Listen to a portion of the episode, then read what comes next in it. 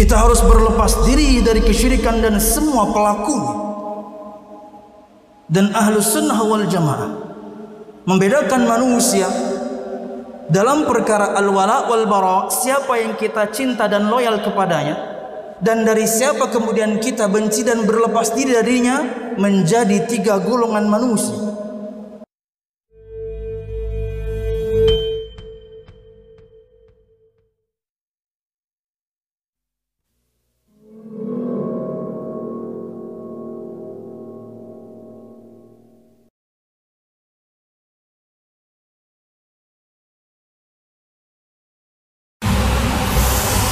السلام عليكم ورحمة الله وبركاته.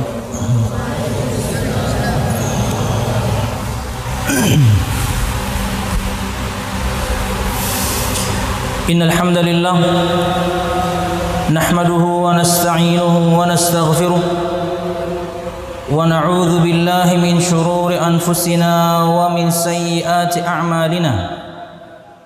من يهده الله فلا مضل له ومن يضلل فلا هادي له. أشهد أن لا إله إلا الله وحده لا شريك له. وأشهد أن محمدا عبده ورسوله. قال الله تعالى في القرآن الكريم أعوذ بالله من الشيطان الرجيم.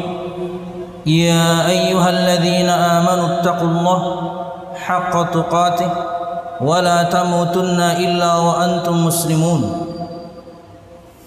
يا أيها الناس اتقوا ربكم الذي خلقكم من نفس واحدة وخلق منها زوجها وبث منهما رجالا كثيرا ونساء واتقوا الله الذي تساءلون به والأرحام. إن الله كان عليكم رقيباً. يا أيها الذين آمنوا اتقوا الله وقولوا قولا سديدا. يصلح لكم أعمالكم ويغفر لكم ذنوبكم. ومن يطع الله ورسوله فقد فاز فوزا عظيما. فإن أصدق الحديث كتاب الله وخير الهدي هدي محمد صلى الله عليه وسلم.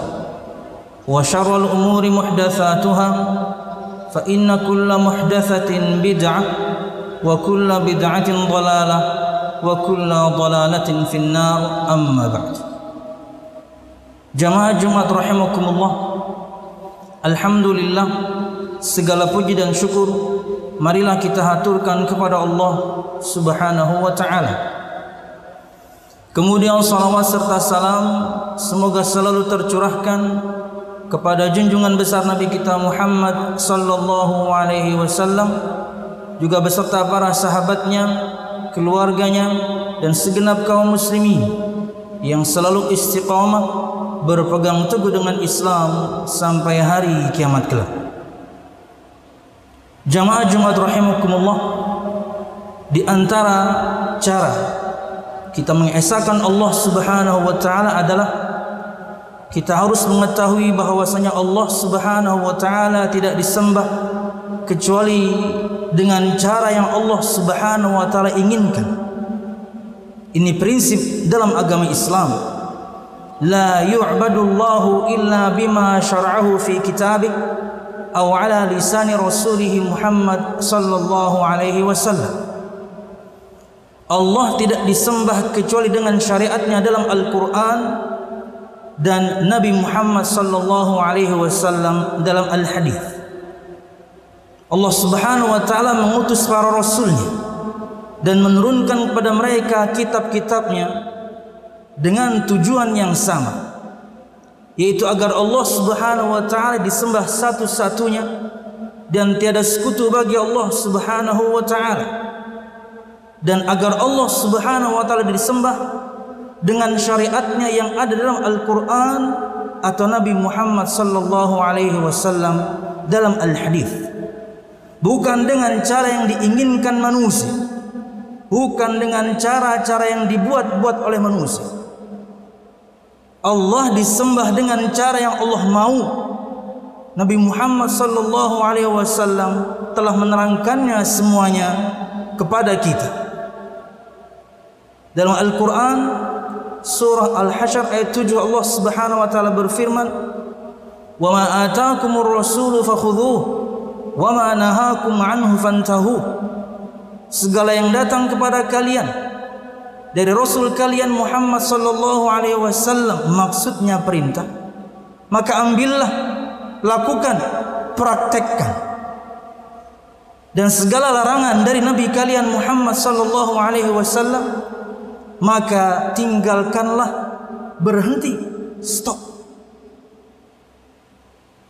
Juga dalam surah An-Nisa ayat 64 Allah Subhanahu wa taala berfirman Wa ma arsalna min rasulin illa liyuta'a bi idznillah dan tidaklah kami mengutus seorang rasul kecuali untuk ditaati dengan izin Allah Subhanahu wa taala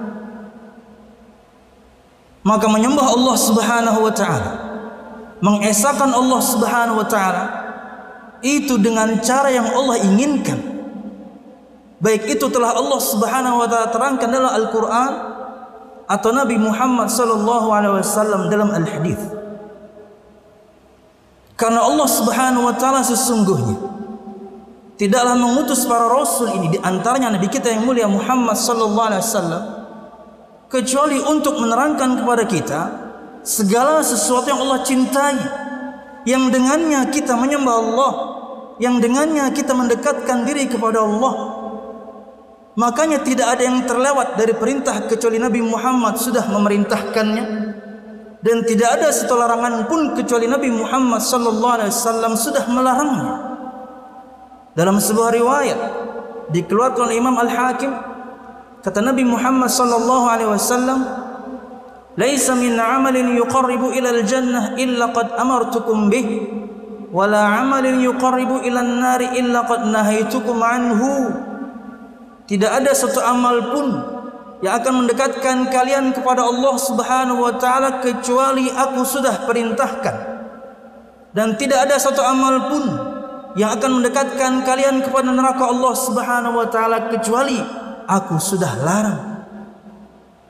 Jamaah Jumat rahimakumullah dan kita tahu Allah Subhanahu wa taala tidak mewafatkan Nabi Muhammad sallallahu alaihi wasallam hingga Allah Subhanahu wa taala menyempurnakan agamanya. Nabi Muhammad tidak wafat sampai Allah menyempurnakan agamanya melalui lisan Nabi kita Muhammad sallallahu alaihi wasallam. Nabi Muhammad telah terangkan kepada kita syarat Islam ini lengkap Beliau tidak wafat sampai lengkap. Artinya Islam ini sudah lengkap bahkan Nabi Muhammad kala itu masih hidup. Dalam surah Al-Maidah ayat 3 Allah Subhanahu wa taala berfirman, "Al-yawma akmaltu lakum dinakum wa atmamtu 'alaykum ni'mati wa raditu lakumul Islam dinan." Hari ini aku sempurnakan untuk kalian agama kalian. Aku cukupkan untuk kalian nikmatku dan aku ridho Islam sebagai agama kalian. Maka barang siapa di antara kita ingin mendapatkan hidayah Allah Subhanahu wa taala di dunia, ingin mendapatkan kebahagiaan kelak nanti di akhirat, ikuti Nabi Muhammad sallallahu alaihi wasallam. Tidak perlu kemudian kita menambah-nambah naudzubillah apalagi mengurangi dari syariat yang telah Nabi Muhammad sallallahu alaihi wasallam ajarkan karena sudah lengkap. Nabi Muhammad tidak menerangkan pada kita kecuali semuanya. Baik itu berkaitan dengan sebab ibadah, jenis ibadah, jumlah, cara, waktu, tempat, lengkap. Cukupkan saja dengan mengikuti Nabi Muhammad SAW itu pun sudah repot. Mencukupkan diri dengan yang diajarkan Nabi Muhammad saja itu sudah berat. Kenapa kemudian na'udzubillah sebagian orang mengeluarkan begitu banyak biaya, mengerahkan begitu banyak tenaga, meluangkan begitu banyak waktu untuk mengamalkan satu amalan Nabi Muhammad tidak pernah ajarkan. Habis waktu Anda, habis uang Anda, terkuras tenaga Anda untuk satu amalan diterima pun tidak. Nabi Muhammad sudah mewanti-wanti.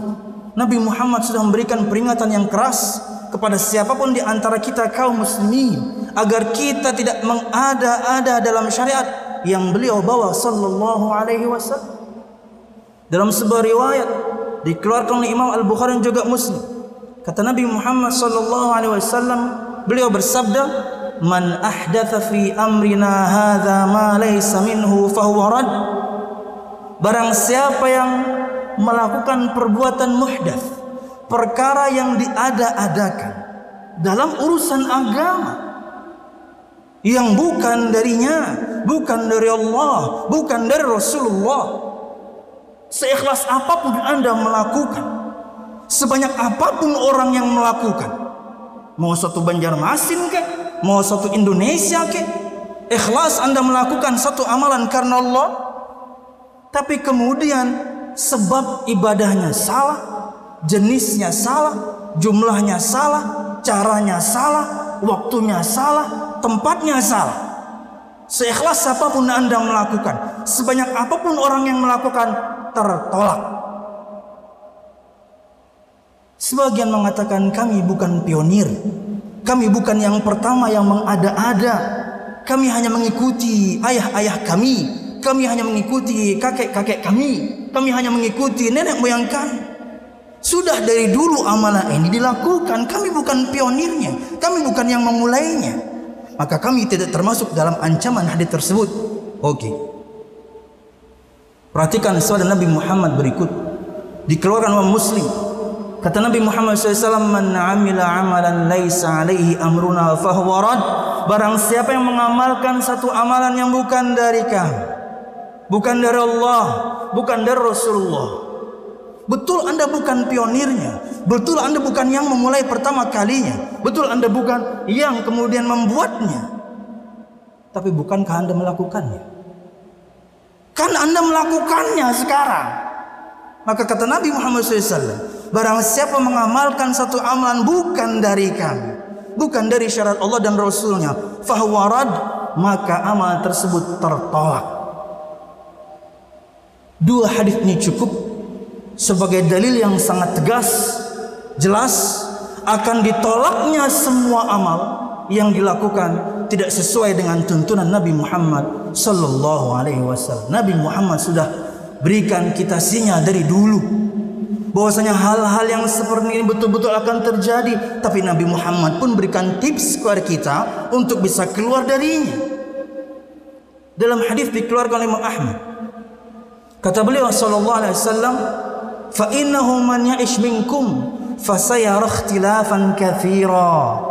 فعليكم بسنتي وسنة الخلفاء المهديين الراشدين تمسكوا بها وعضوا عليها بالنواجذ وإياكم ومحدثات الأمور فإن كل محدثة بدعة وكل بدعة ضلالة Sesungguhnya barang siapa yang hidup di antara kalian Dia akan mendapatkan begitu banyak perselisihan Dan sekarang sedang terjadi.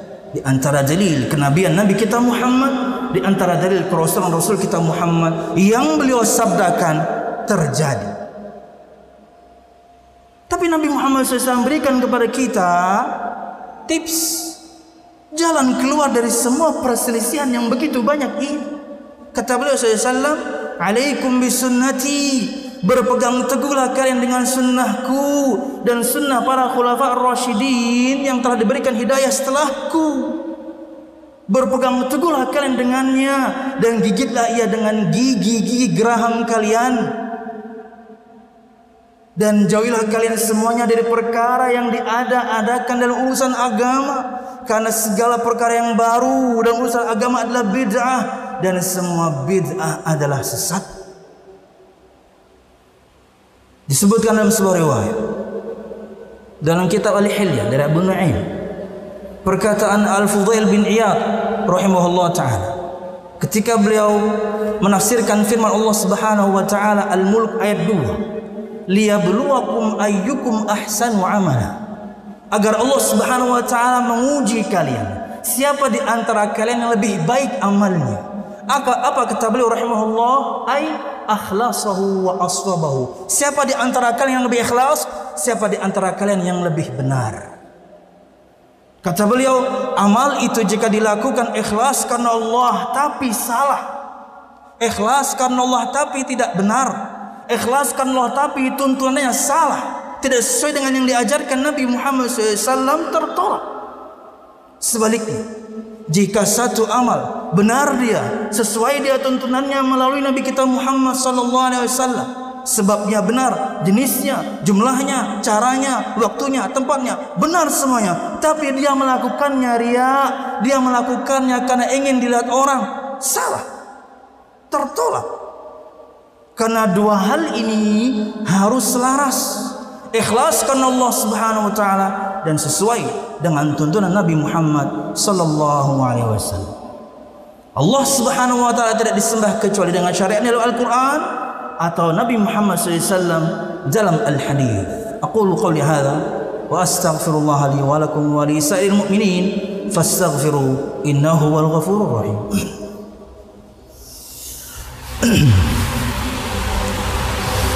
Alhamdulillah الحمد لله الذي هدانا لهذا وما كنا لنهتدي لولا ان هدانا الله والصلاة والسلام على أشرف الأنبياء والمرسلين محمد صلى الله عليه وسلم وعلى آله وأصحابه أجمعين الذي حارب الباطل وأيد الحق وطمس الرذائل وأحيا الفضائل وتمم مكارم الأخلاق وهدى الناس إلى صراط مستقيم صراط الذين أنعم الله عليهم من النبيين والصديقين والشهداء والصالحين وحسن أولئك رفيقا Hadirin jemaah Jumat dan juga ayuhat talabah rahimakumullah. Hari ini disebutkan adalah hari raya Imlek. Maka ada satu pesan dari ulun pribadi untuk semua kita dan ini bagian antara prinsip dasar akidah ahlus sunnati wal jamaah terlepas dari poin pertama pada khutbah. Bahwasanya dalam agama Islam ini dalam prinsip dasar akidah ahlus sunnah wal jamaah ada yang namanya bab al wala wal bara. Bab cinta dan benci. Cinta karena Allah benci pun karena Allah cinta kepada kaum muslimin dan benci kepada kaum kafirin. Dan bab ini dalam syariat Islam luar biasa penting. Bahkan seorang muslim wajib mengetahuinya. Karena ia bagian dari syarat yang ada dalam persaksian kita la ilaha illallah kita harus berlepas diri dari kesyirikan dan semua pelaku. Dan ahlu sunnah wal jamaah membedakan manusia dalam perkara al-wala wal bara siapa yang kita cinta dan loyal kepadanya dan dari siapa kemudian kita benci dan berlepas diri darinya menjadi tiga golongan manusia. Satu orang-orang yang mendapatkan kecintaan mutlak. Siapa mereka kaum muslimin yang menegakkan syariat Islam, menegakkan syiar Islam. Maka mereka berhak mendapatkan kecintaan, mereka mendapatkan loyalitas dari kita sama kaum muslimin mutlak. Dua, orang yang mendapatkan kecintaan di satu sisi dan kebencian di sisi yang lain, dan dia adalah al-muslimul 'asi seorang muslim tapi pelaku maksiat kewajiban ditinggalkannya larangan-larangan dilakukannya.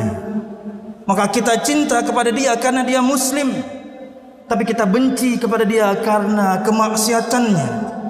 Tugas kita maksiatnya kita ingkari orangnya kita nasihati. Yang ketiga dan itu bahasan tentang poin ini adalah orang-orang yang berhak mendapatkan kebencian berhak mendapatkan perlepas dirian dari kita sebagai kaum muslimin secara mutlak.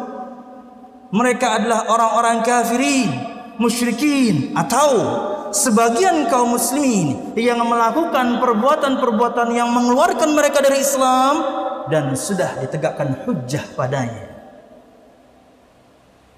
Prinsip ini jelas sikap kita pun jelas. Maka ikhwati at-talabah dan juga jemaah Jumat rahimakumullah di antara hak yang harus kita tunaikan sebagai sama muslim dalam perkara al-wala saling mencintai saling menolong satu sama lain menunaikan hak masing-masing. Tapi berkaitan dengan orang-orang yang mendapatkan kebencian mutlak permusuhan mutlak berlepas diri kita dari mereka mutlak. Banyak hal yang harus kemudian juga kita perhatikan di antaranya satu. Ada mutasyabuh fi ma huwa min khasaisihim dunya wa dina. Kita tidak boleh menyerupai mereka dalam perkara-perkara yang itu adalah keistimewaan mereka baik itu dalam urusan dunia apalagi urusan agama berkata Umar bin Khattab radhiyallahu anhu Ishtanibu a'da Allah fi a'yadihim. Jauhilah musuh-musuh Allah Subhanahu wa taala pada hari-hari raya mereka. Maknanya kata Imam Nuqayyim, kita tidak menyebutkan tahniah. Kita tidak menyebutkan selamat Natal ya, selamat Imlek ya, selamat ini, selamat itu. No. Itu maknanya kata Nuqayyim menjauhi orang-orang yang menjadi musuh Allah dalam hari raya mereka kita tidak mengucapkan tahniah untuk mereka tidak kemudian mengamalkan yang mereka amalkan dan juga berbahagia atau ikut berbahagia dengan yang mereka lakukan jelas ini prinsip dasar Islam. Berkaitan dengan bermuamalah. Beda ini perkara akidah. Tolong jangan dicampur aduk. Inilah yang terjadi di banyak kaum muslimin. Mereka termakan yakni propaganda atau dakwahnya orang-orang yang liberal. Di mana semua agama sama di mana semua agama baik. Ketika orang-orang non muslim menyampaikan kepada kita selamat hari raya ya maka kita juga nanti harusnya mengucapkan selamat akan hari raya mereka. No. Bedakan perkara agama akidah dan muamalah. Kita bermuamalah dengan mereka tapi tentunya kita tidak mencampur adukan dengan akidah. Wallahu a'lam bishawab. Ini yang bisa ulun sampaikan. Mudahan bermanfaat salah dan khilaf ulun mohon Allahumma qsim lana min khasyatika ma tahulu bihi bainana wa baina ma'siyatik wa min ta'atika ma tuballighuna bihi jannatak min al-yaqini ma tuhawwinu bihi alaina masa'ib ad-dunya ومتعنا الله بأسماعنا وأبصارنا وقواتنا أبدا ما أحييتنا. واجعله الوارث منا واجعل ثأرنا على من ظلمنا يا ارحم الراحمين. ربنا هب لنا من أزواجنا وذرياتنا قرة أعين واجعلنا للمتقين إماما. ربنا لا تزغ قلوبنا بعد إذ هديتنا وهب لنا من لدنك رحمة إنك أنت الوهاب. اللهم إنا نسألك حسن الخاتمة ونعوذ بك من سوء الخاتمة يا أرحم الراحمين. اللهم إنا نسألك الجنة وما قرب إليها من قول أو عمل ونعوذ بك من النار وما قرب إليها من قول أو عمل. ربنا آتنا في الدنيا حسنة وفي الآخرة حسنة وقنا عذاب النار. سبحان ربك رب العزة أما يصفون وسلام على المرسلين والحمد لله رب العالمين. Akimis Salah.